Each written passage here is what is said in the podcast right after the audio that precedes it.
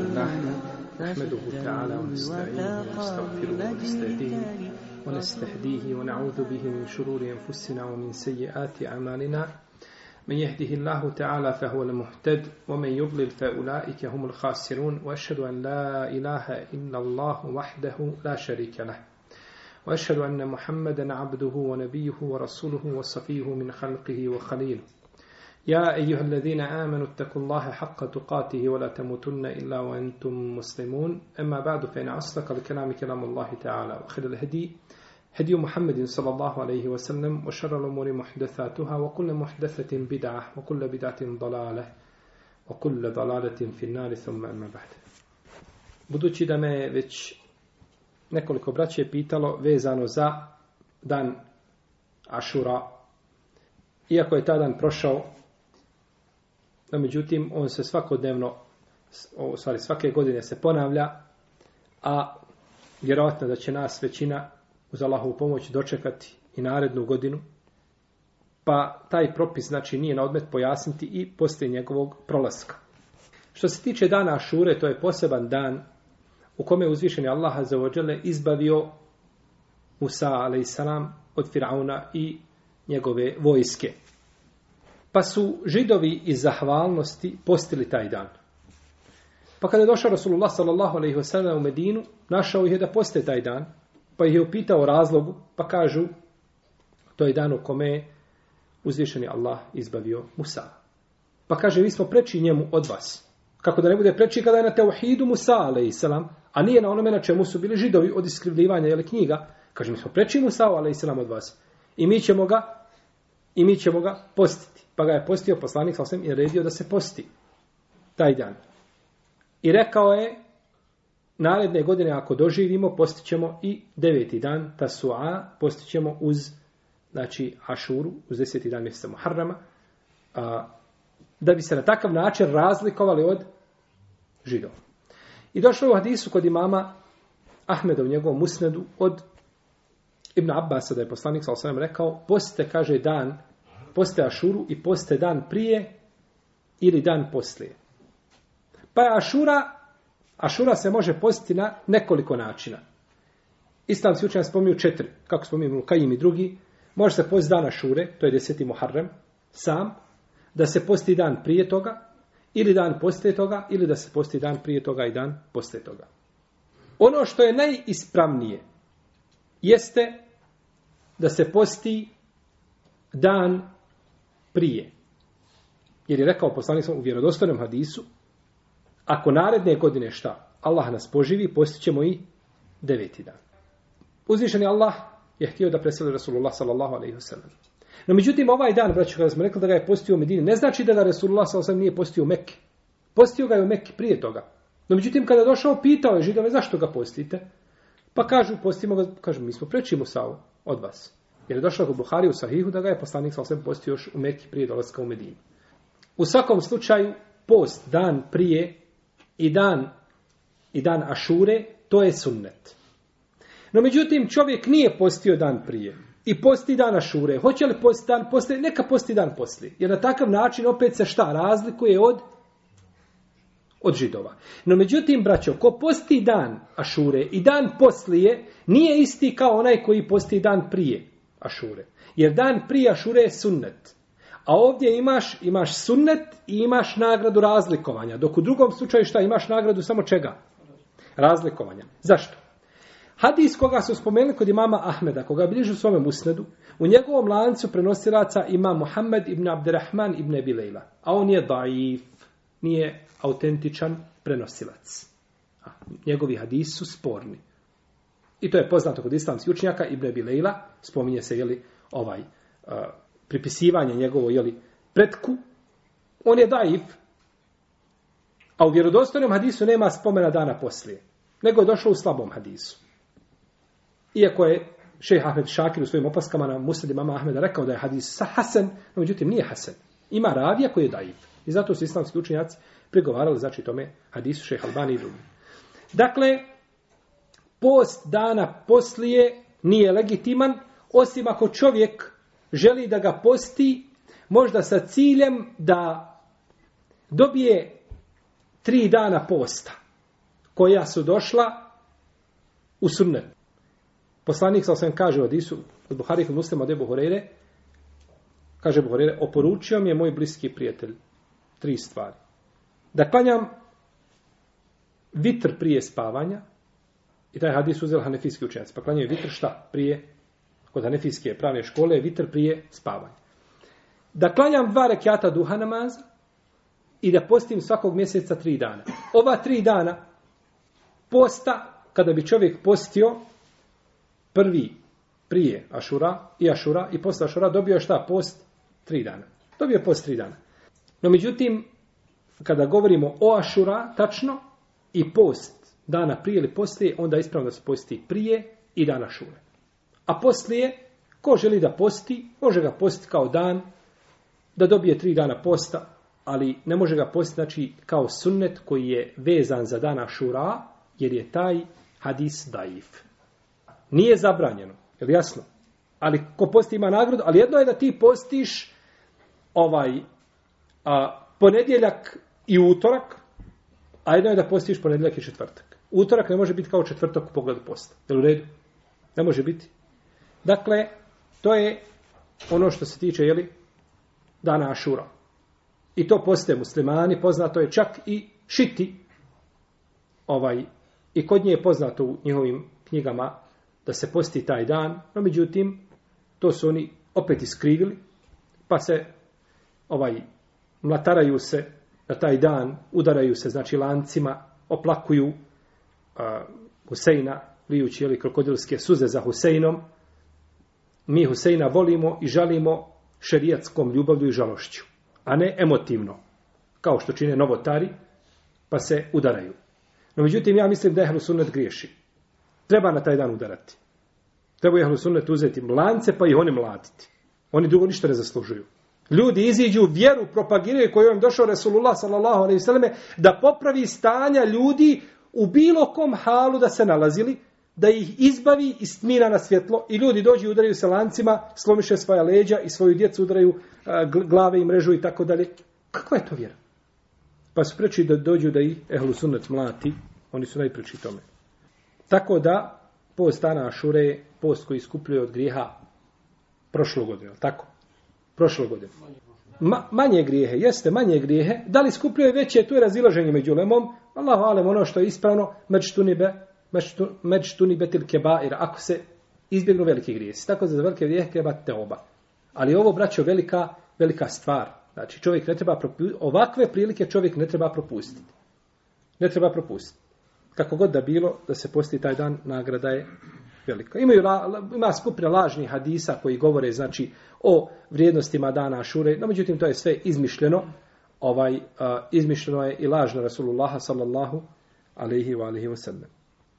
Ima li pitanja što se tiče posta Ašure? Mi smo došli, braće, do poglavlja Ma džaje enel guluve fi kuburi salihin yusajiruha euthanen tuabedu min dunillah. O tome da preterivanje u pogledu mezara dobrih ljudi pretvara te mezare a, u kipove, koji se obožavaju mimo Allaha. Kaže autor Rawa Malikun fil Muwatta أن رسول الله صلى الله عليه وسلم قال اللهم لا تجعل قبري وثنا يعبد اشتد غضب الله على قوم اتخذوا قبور أنبيائهم مساجد إمام مالك برنس في своем موتي da je poslanik sallallahu alaihi sallam rekao Allahu dragi nemoj učiniti moj kabur da bude wathan, kip Sjećate se, smo govorili Wathan i Sanem. Kip je jedno i drugo, a kakva je razlika? Sjećate se? A, sjećaš se ti, Daude? Wathan je kip koji nije u obliku živog bića. Zato je ovdje rekao za svoj kabur, kaže La teđal kabri Wathanen, nemoj učiniti moj kabur kipom, ali koji nije šta? U obliku živog bića. A sanem je kip koji je ima glavu, ima ruke, ima ili oblik ima. Znači, oblikuje živog šta? Bića. Nemoj, kaže, učiniti moj kabur a, vatanom ili, ili a, e, kipom koji se obožava. A, velika je Allahova srđba ili povećala se Allahova srđba na one koji uzimaju kabure svojih poslanika kao džamije. Ovaj hadis je mursel. Ovaj hadis je mursel. Mursel.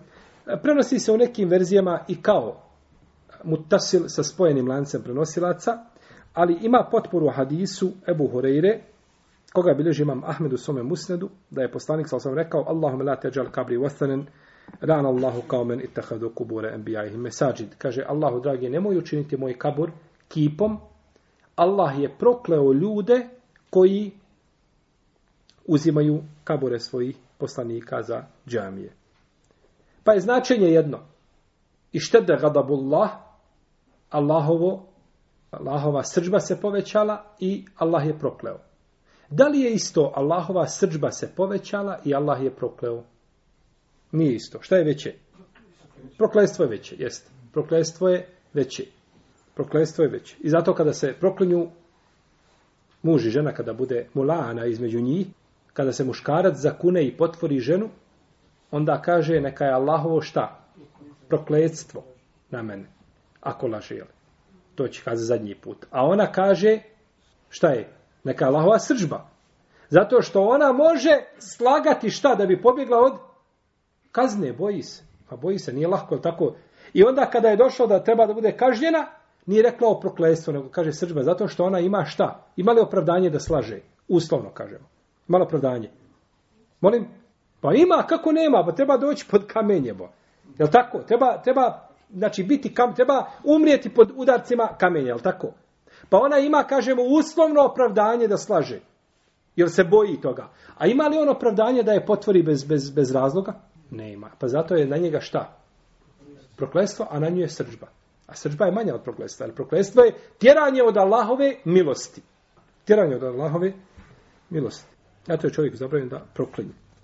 Kaže, bileži ima Malik u svojim uvjet. Ima Malik, Malik ibn Enes, Ebu Abdillah el Medeni, imam Darul Hidžra, imam u Medini, jedan od četverice jel, imama koji je ispunio Dunjaluk svojim ilmom i svojom, svojim znanjem, kako u fikhu, tako u hadisu. Čak da je imam Buharija rekao, najispravniji lanac prenosilaca pod nebeskim svodom je ko? Malik ibn Enes. Bravo. Znači, najispravniji lanac prenosilaca je Malik od Nafije od Ibn Omara. To je najispravniji lanac po Buhariji pod nebeskim svadom. I zaista, ovaj, kada dođe lanac takav, znači Malik od Nafije od Ibn Omara, znači ne gleda se u lanac prenosilaca. To je zlatna silsila i znači, znači lanac kojim se prenose hadisi i stotine ovaj hadisa su prenešene ovim lancima prenosilaca. I ima Malik je nama direktna veza sa Ibn Omarom jer on se je družio sa Nafijom, a Nafija mu je prenosio šta Ibn Omar radio. I zato brojne, znači, predaje od Ibn Omara koje dolaze, dolaze preko Malika. Ako hoćeš da znaš šta Ibn Omar radio, vrati se Maliku, znači, kod njega možeš naći postupke Ibn Omara. A, umro je 179. iđeske godine, a rođen je 93. ili 94. po razilaženju među islamskim učenjacima, ispravno je 93. One godine kada je umrao, umro Enes ibn Malik, ashab. Pa je Enes ibn Malik zamijenjen Malikom ibn Enesom, koji je došao i ovaj bio je bez sumnje najučeniji čovjek u svoje vrijeme. Znači, bio je najučeniji čovjek u svoje vrijeme, a naročito njegova majka je bila brižna za, eh, jel, kada je u pitanju stjecanje nauke. Ona ga je slala, znači, kaže, idi kod Rebije, spremila bi ga, najljepšu modiću obukla, idi, kaže, kod Rebije i uči od njegovog edeba prije nego što budeš učio od njegovog ilma, I ovo je, braćo, bitna stvar. No, kroz generacije ljudi su učili od učenjaka edeb, znači etiku, ponašanje, prijeznanja. I zato danas ćete naći u naše vrijeme narošto, bilo je toga i kroz generacije, da ljudi dođu i sa najvećom ulemom obrišu patos, znači kao sa balavcem, koji nikad nije čačkalicu podigao na Allahovom putu, ništa uradio, ni tako obrišu patos i bace ga u korpu, Znači, završi kao munafik i kao, kao zindik, otpadnik od Allahove vjere. Zašto? Zato što nije učio edeb. On nema edeba. Nema ništa. Kaže, naš, na, nas ne smiju zavarati velika imena. Kažeš, imam šafija, rekao i to i to, kaže, nas ne smiju zavarati velika imena. Znači, to je igranje, to je, imam šafija, otprilike u našim rukama kao ping-pong loptica ona. Jedan s jedne strane, s drugi s drugi udara. To je imam šafija kod nas. Nas ne smije. Ti možeš kazati, jeste imam Šafeć, Tihadio, ima svoje argumente i njegovo mišljenje je odabrao veliki broj uleme. No, međutim, imamo i druge učenjake koji su kazali suprotno tome, koji su isto tako iznijeli argumente. Nije problem. No, međutim, da se kaže, nas ne smiju zavarati velika imena, to znači ovaj da smo pohranili imama Šafiju, znači sve ono što imam Šafija uradio. A to neće kazati čovjek, osim onaj ko nikada nije povio svoja koljena po 90 stepeni, nego po 45. Na internetu nema edeba. Na internetu ne možeš naučiti edeb. Da sjediš na stolici da učiš edeb. Toga nema na internetu. Nismo protiv interneta, jel? Čovjek treba okoristiti onim što ima znanja. No, međutim, to je jedno. Ali imaju neke stvari koje se ne mogu učiti ha, preko interneta. Imaju nauke u šerijetu koje se ne mogu učiti nego da sjediš ispred. Teđvid se ne može učiti preko interneta.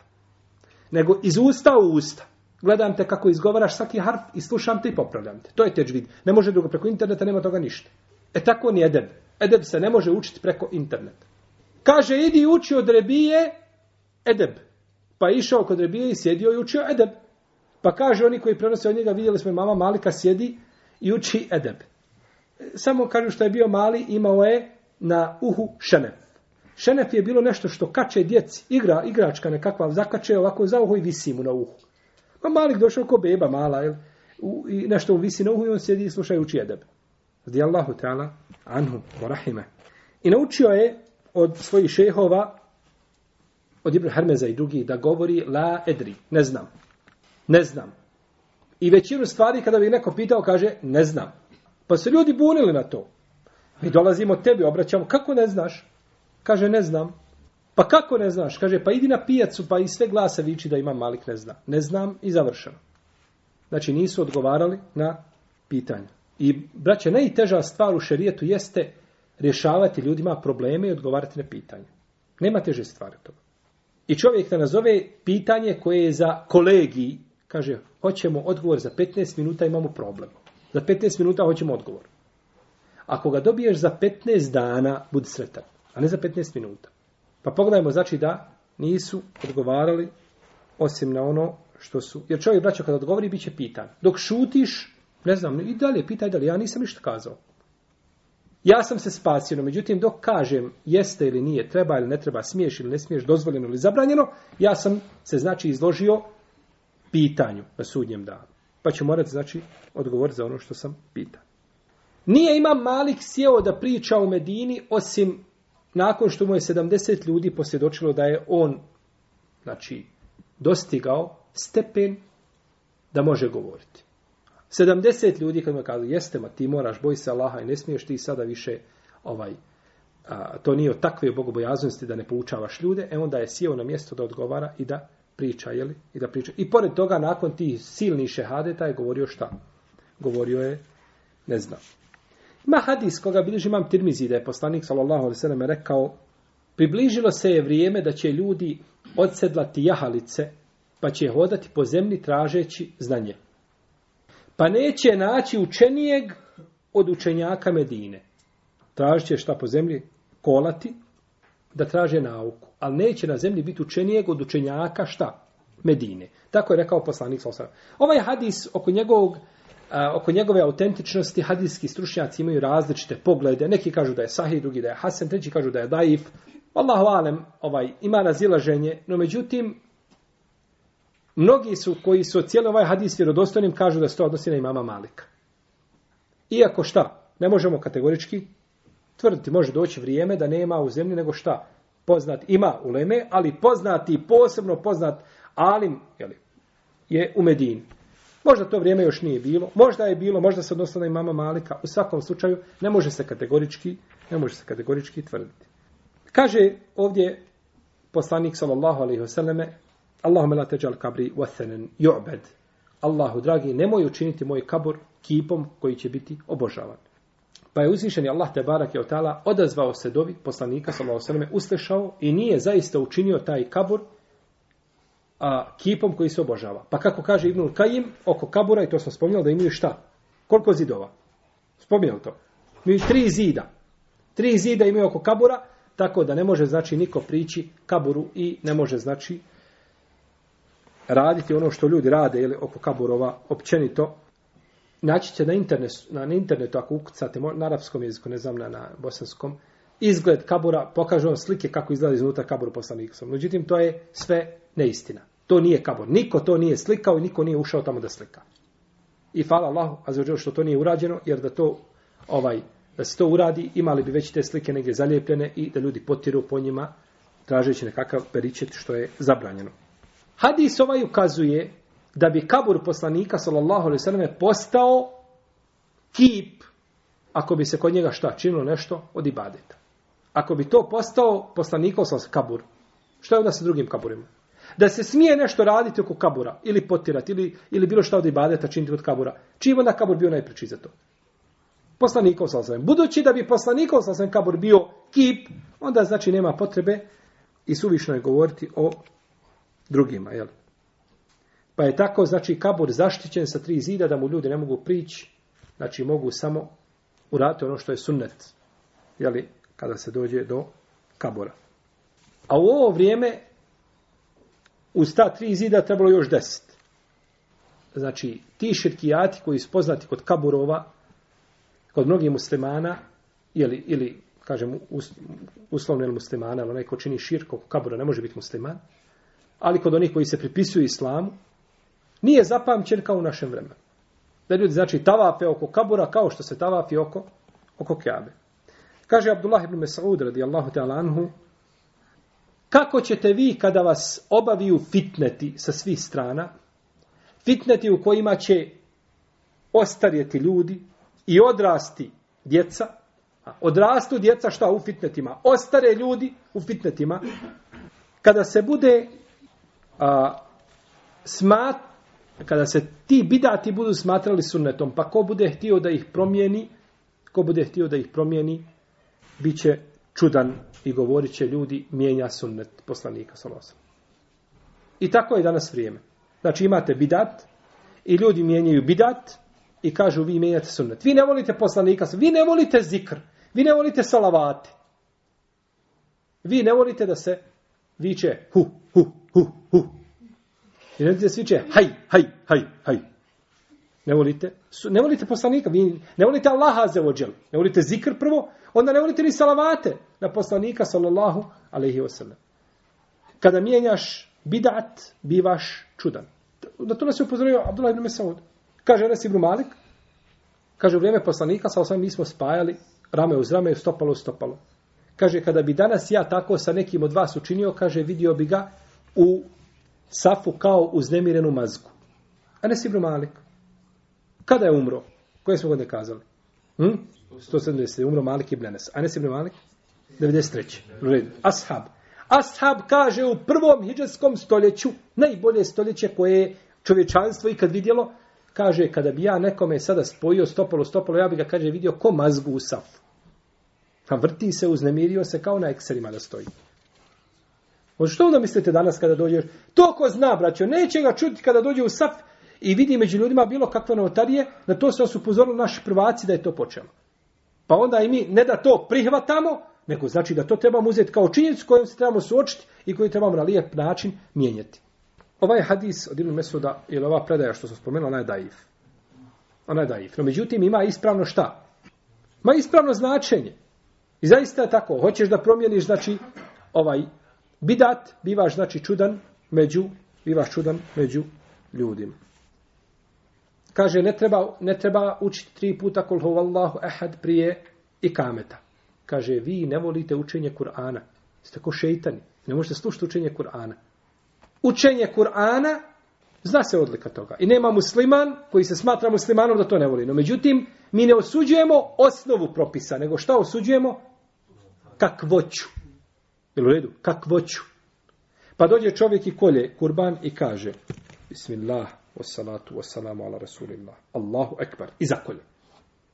Kaj nemoj, ne, nemoj reći wassalatu wassalamu kaže. Ne volite poslanika. Poslanika treba poštovati sallallahu sallam. Jeste, treba ga poštovati. Ali prilikom klanja nema spominjanja imena poslanika sallallahu sallam. Ona se nije tome poučio. Ha. Pa mi ne osuđujemo salavate u osnovi. Mi osuđujemo šta? Kakvoću da se na to mjesto uradi. Je tako? I zbog toga je Omar radijallahu ta'ala anhu iz velikog straha zabranio ljudima da idu tamo gdje je boravio poslanik sa osrme, ili gdje je sjedio, ili gdje se odmarao, a da prate stope poslanika sa osrme iz, jel, iz tog razloga. I zato kaže Ibn Abbah, kaže, čuo sam Isa Ibn Junusa, da je rekao, naredio je Omer da se posjeće drvo pod kojim su ashabi dali prisegu poslaniku sallallahu alaihi wa alaihi wa sallam. Lekad radi Allahu anil mu'minine idh yubayi'unaka tahta ash-shajara. Allah je zadovoljan sa vjernicima koji su dali prisegu gdje pod drvetom. I spomenuto drvo u Kur'anu i dolazi sada Omer i, i, i, i sjeće to drvo. Je subhanallah Omara. Pusti ljudima drvo, spomenuto u Kur'anu drvo, neka ga. Jeste, mi smo kazali, neka ga, nemoj ga, jahi, spomenuto u Kur'anu, ostavi ga na miru. Bo Allah zna što će biti s tobom ga posjećeš. Drvo je spomenuto ovdje u Kur'anu a ciljano ili je spomenuto zbog toga što je bilo na tom mjestu. To nije nikakvo blagoslovljeno drvo koje treba ostaviti, koje ima posebnu vrijednost i ako tu dođeš na to mjesto gdje su ashabi dali prisegu, tu na mjestu gdje su dali ashabi prisegu, jedan po jedan i njih 1400 koji su davali prisegu, mjesto, namaz na tom mjestu nije ništa vrijednije od namaza na Tebuku ili u Hidžazu, ili ne znam, u Misru, u Egiptu, ili u Iraku, ili na bilo kom drugom mjestu zemaljske kugle. Nikakve razlike nema. Pa je Omar radijallahu ta'ala gledao iza brda i posjekao to drvo. Znači da ljudima zatvori, jeli? Da ljudima zatvori vrata koja su sve bili otvorili. Jer da je ostavio to drvo, nakon 20 godina bi dolazili ljudi uzimali lišće. Nosili sa svom lišće, sušili ga, pravili sebi čaj. Je tako? Pili čaj. Kažu, ovo je sa blagoslovnog drve, tamo pit čaj sa blagoslovene ugjeli drveta. Bidat, braćo, on ide stepen po stepen. Stepen po stepen, dok ne dođe do stepena da ovaj prvi put u istoriji čovečanstva, najvjerojatnije da se desilo, Allah najbolje zna, da, da, da Bošnjo ide na hađ za poslanika sa osrame. Kaže, obavljam hađ ove godine za pejgambera. Ide na hađ za pejgambera. Salallahu ala rasulillah. A'udhu billahi min šeitani rajim. Braćo, svaku stvar, ovo naše ovdje večera sjelo što mi sjedimo i pričamo, od ovoga poslanik sa osim ima nagradu. Svako od vas ko obavi hađ poslanik sa ima šta njegovu? Nagradu. Do sudnjega dana. Jer je on bio glavni prvi učitelj koji nas je šta kaže Huzu anime nasikekum. Uzmite od mene vaše šta? obrede. Znači kako ćete obaviti hađ? On nas je pučio kako da obavljamo hađ i on nakon toga ima nagradu svakoga što činimo. Sve ono što činimo, on ima nagradu. Prvo on zato, pa onda mi imamo za to nagradu. Dobro, i sada dođe čovjek i kaže ja obavljam hađ za pegambara. Ne zna ni kazati Resulullah s.a.v. kako treba ili da kaže, kaže onda na svome jeziku poslanika, vjerovjesnika. I tako, znači, stepen po stepen ljudi odlaze u zabludu. Kaže Al-Ma'rur ibn Suvejd, Klanjao sam sa Omarom jedne prilike kada smo išli za Meku. Na jednom mjestu. Kaže, pa, sam, pa smo nakon namaza vidjeli ljude kako odlaze u grupama, idu. Kaže, kuda idu? Kaže, idu u mesčit gdje je poslanik sa osam klanjao. Tu je poslanik sa klanjao, idu tu na mjesto, jeli? Gdje je klanjao poslanik sa osam da klanjaju tu. Pa je Omar rekao, kaže, ljudi su prije vašu propašteni zato što su tražili mjesta gdje su klanjali njihovi poslanici. Kaže, Omar, kada najđete, ako vas zatekne tu namaz, klanjajte. Ako zatekne na drugom mjestu, klanjajte i nastavite svojim putem. Dobro, kako ćemo mi sada znati gdje smijemo, a gdje ne smijemo? Gdje je dozvoljeno da idemo, a gdje nije dozvoljeno da idemo?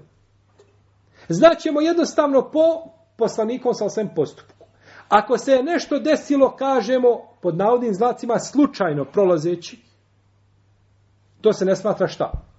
Sunnetom. Poslanik sam na jednom mjestu putovao iz neke za medijuna, na jednom mjestu legao, odmorio sahat vremena i nastavio put. Na drugom mjestu obavio fiziološku potrebu. Na trećem mjestu jeo. Na četvrtom mjestu. To sve nije šta. Sunne. Tako se zadesilo usput. No međutim, poslanik sa osam svake subote išao u mesidu Kuba i klanja dva rakijata i vraća se nazad. Je li to sunnet? Je li to radio ciljano? Je li to svake subote slučajno se desilo da ode tako? Nego, znači, to je cilja i on je podstakao na to. Imamo argument koji nam ukazuje da, da je to da to od naša šarija traži i da zato imamo posebnu nagradu. Tako da, ta pravila, ko ne poznaje, zato tu Omer ukazao, kaže, upropašteni su ljudi prije vas, jer su, kaže, tražili mjesta gdje su poslanici i klanjali, i tu su, kaže, gradili se na goge i crkve. Dođu i naprave ovaj, jeli, širkomolju i nakon toga se, zbog toga su upraš, uništeni. Ibn Ishaq bilježi, kaže, kada je oslobođen Tustar došli smo u Bejtul Mal i našli smo jedan krevet u Bejtul Malu u El Hermezanu našli smo jedan krevet na njemu mrtav čovjek pored njegove glave knjiga pa smo tu knjigu poslali Omar pa je Omar uzeo i dao tu knjigu Kjabu da je prevede na arapski pa smo kaže iskopali 13 kaburova po danu i došli kaže po noći ga ukopali u jedan znači razbacali kaburove te ukopali ga po noći u jedan kabur i sve te kabure šta? poravnali. Da se ne zna u kom je kabur. Da se ne zna gdje je taj. Kažu, pa što ste to uradili? Kaže, oni su dolazili kada, im, kada nemaju kiše, dođu kod tog kreveta i posredništvo traže preko tog čovjeka da dobiju šta? Kišu. Da dobiju kišu. Kažu, ko je taj čovjek bio? Kažu, bio je Daniel. Daniel, ale Kažu, a koliko je godina već tu na krevetu? Kažu, 300 godina. Pa jel se promijenio? Kažu, nije osim par dlaka promijenilo boju koje su bile vamo na potiljku. Samo malo dlake promijenile boju. Jer šta? Ne jede zemlja, niti vazduh, jel, jel, ne, ne truhnu tijela poslanika. Ne truhnu tijela poslanika. Ovu predaju kaže zadnji Ibn Kesir da je vjerodostojna. Kaže Šehal Bani da je vjerodostojna. Daniel, a.s. je bio poslanik koji je poslan Benu Israilu poslije Davuda, a.s. a prije Zekerija. Ja se navodim nekim predajem da je Zekerija ali sam prošao pored kabura Daniel. No međutim ima ovdje jedna, jedna problematika, a to je spominjanje godina. Kaže umro je prije 300 godina. To bi onda bilo da je on bio između Isa i selam i poslanika sa selam. A kod Buhari imamo hadis u kome kaže poslanik sam da između njega i Isa šta nema Ej, nema poslanika. Onda je to taj period 300 godina, on je šta? Sporan. To je vjerojatno da je bila ocjena, ocjena možda od nekih ashaba ili prenosilaca, kako je bilo u svakom slučaju, ta ocjena godina bi bila, ta ocjena godina bi znači bila sporna. Da li je dozvoljeno čovjeku ovaj ime Daniel, da li je bio, e, da, e, ovaj poslanstvo Daniela nije potvrđeno u hadisima. Ne znam da ima hadis od poslanika da je poslanstvo Daniela. Gdje je u Kur'anu spomenut? Ko će im kazati? U kojoj suri? U kojoj suri i sa kojim se poslanikom spominje Daniel u Kur'anu? obavezno spomenuti suru. Čemo ostaviti da tražite Ele Araf. Ovo je jedno mišljenje. Pazite, ovaj, tražimo ajet. Znači, nemojte nagađati. Odmah kažemo broj ajeta. Nađi. Znači, Daniel nije spomenut u Kur'anu nikako. Nego nema nikako u Kur'anu. Jel neko prešta od vas ime Daniel u Kur'an? A naravno da nije. Nema ga u Kur'anu. Nema u Kur'anu, to je bilo jasna stvar. Nije spomenut nikako nego njegovo poslanstvo, čak nije potvrđeno i vjerodostojnim hadisima. Meni bar nije poznat hadis u kome je potvrđeno poslanstvo Daniela a.s. No međutim, potvrđeno je u rivajetima od Omera, vjerodostojno rivajetu u djebu Musa Alešarija. Imaju vjerodostojne predaje od Ashaba da je on šta? Poslanik Benu Israila. A neće Omer, be, jeli, evo Musa Alešarija neće to kazati svojim protivima. I to je potvrdio također Ibnu Hazm u svojem dijelu El Milan. I to je potvrdio Ibnu Temiju u svojim trtvama. I to je potvrdio uh, imame Neovi I mnoga druga ulema nakon toga je potvrdila da je on bio šta poslanik Benu Israila. Danilo, međutim, pogledajte, nije poznato da ljudi na djevoj ime šta? Danilo, tako? Kod, jeste kod kršćana poznato to ime, no međutim, ovaj, nema, ima braća neka imena i mi koja na djevoj oni, a nema smetje da i mi nadjevamo ista imena. Jel u redu? Znači, određena imena imaju, no međutim, oni ako se poklope sa onim što je ispravno, znači to ne smeta. Nema ni imena Lut, je li tako? Malo se ime Lut daje, je li tako? A ne smeta da čovjek nadije svome djetu ime Daniel. Nema u tome nikakve, znači, zapreke i nema nikakve smetnje, inša Allahu Teala. Možda ljudi izbjegavaju zato što nisu arapska e, imena, jer samo je šest poslanika su bile Arapi, ostali nisu bile Arapi. I oni su sakupljeni u imenu Sun Šemle. To su bili Sareh, to su bili Nuh, to su bili Šuajb, Muhammed sallallahu alejhi ve Lut i Hud. Ova šesterica oni su bili Arapi, drugi nisu bili, znači Arapi, pa možda ovaj da se izbjegava imena nekih poslanika, ali evo Lut je bio, molim da ponovimo. Saleh, Nuh, Shuaib, Muhammed sallallahu alejhi ve rasulillah, Lut, Hud. Tako da ne bi smetalo, znači da se budući da je veliki dio uleme potvrdio je li da je Daniel bio poslanik Benu Israila. Povećala se Allahova sržba prema ljudima koji uzimaju kabure svojih poslanika za mjesta gdje će obavljati molitve. U ome je dokaz da je zabranjeno na kaboru graditi džamije. I spomnje imam El Taberi u svome dijelu El Kira, Le Kasidi, Umil Kura, a on je bio od učenika imama Malika, da ima Malik prezirao da čovjek kaže, braćo, posjetio sam kabur poslanika Zosane. Pazite ovo. Prezirao je da čovjek kaže, posjetio sam kabur poslanika, sallallahu alaihi wasallam. Zato što je poslanik rekao, alaihi sallatu wasallam, Allahu dragi, nemoj učiniti, šta, moj kabur, nemoj učiniti moj kabur, kipom koji se obožava. Nemoj učiniti moj kabur kipom koji se obožava. I ovo je znači ispriječavanje, ovo je preventivno pravničko sankcionisanje da ne dođe do čega? Do zla, do širka. Da ne dođe znači do širka. Kaže šehol samim temije, ima malik je, znači, uzimao dire, ovaj, ilm od tabina, koji su najučeni ljudi nakon ashaba. I kod njih to nije bilo poznato šta, posjetio sam kabur pegambera, ali tako? Nis govorili što sam na kabur pegam, posjetio sam. Da samo ciljano šta ide tu, je li tako? Nego znači bilo je u džamiju, pa onda posjeti, znači, kabur poslanika sa osrme, je li, usputno. I ovaj se izraz koji posjetio sam kabur koristi naročito za ljude koji posjećuju kaburove šta? Novotarskim posjetama. E, išao sam na kabur, da posjetio sam kabur. Jer ljudi koji puno, kabur je, kaže, idite kaburove, posjećujete kabure, one se posjećuju na ahiret. I to je sve. I dođeš, proučiš dovu i završeno. Nema ništa više oko kabura. Nikakvi ceremonija i obreda nema oko kabura, osim dove koja se prouči kada čovjek dođe. Pa ljudi koji kažu išao sam na kabur, puno spominju, znači posjete kaburova, znači a, imaju prvenstveno cilj, time žele kazati da je znači, ta posjeta bila, jeli, novotarska, pa zbog toga je, jeli, to je ulema prezirala što je zabranjeno po konsensu jeli, islamskih učenjaka. Pa ovdje, braćo, ima osnova je lijepa, ali cilj od te osnove je šta? Pokvaren. Osnova posjeta kabura je osnova lijepa, no međutim ono što se time želi je šta? Neispravno, kao čovjek kaže, hajmo zikriti. Hajmo zikriti, zikri je lijep. I zikr, zikrom se smiruje srca ljudi, to nije sporno. Ali kako ćeš da zikrimo? u krug pa da se vrtimo, da obučemo one haljne pa da se vrtimo u krug, ili da zikrimo glavama njišući se lijevo desno, kako da zikrimo?